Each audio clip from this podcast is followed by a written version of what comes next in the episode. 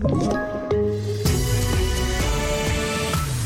Hackare utpressar patienter, Saboni svarar på interna kritiken och goda vaccinbesked. Ja, det här är TV4-nyheterna som börjar med att internationella hackare utpressar privatpersoner med hjälp av känslig information som de har stulit från företag. Bland annat från vårdinrättningar, vilket har skett i Finland och Litauen och det varnas för att det kan ske även i Sverige. Det handlar ofta om nakenbilder i samband med operationer men också transkriberade samtal med psykoterapeuter. Mikael Herala är expert på privatpersoners IT-säkerhet. I de senaste exemplen vi ser så har data läckt från företaget som den cyberkriminella har kommit över. Men istället för att utpressa företaget så har man valt att utpressa klienterna eller patienterna som tillhör det här företaget. Och det är ett nytt fenomen som vi inte har sett tidigare.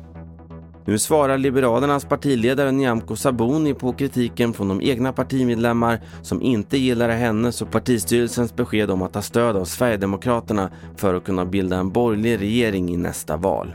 Vi är duktiga på att ha olika uppfattningar och det är högt i tak men vi är också duktiga på att när, när det väl har fattats ett majoritetsbeslut så sluter vi upp bakom beslutet och jobbar enligt det beslutet. Så att, eh, min uppgift nu är att kommunicera, förklara och försöka vinna stöd för det förslag som partistyrelsen nu lägger fram till partirådet.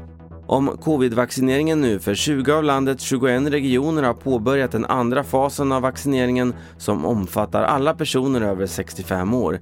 Det är nu bara Region Stockholm som inte har inlett fas 2. Och sist ett hoppfullt besked från vaccinsamordnaren Richard Bergström som säger till Sveriges Radio att vi får kännbart större volymer av covidvaccin till Sverige från och med maj månad. De större leveranserna beror på ökad produktion och att fler vaccin blir tillgängliga. Där fick du senaste nytt med TV4 Nyheterna. Jag heter Carl-Oskar Alsen.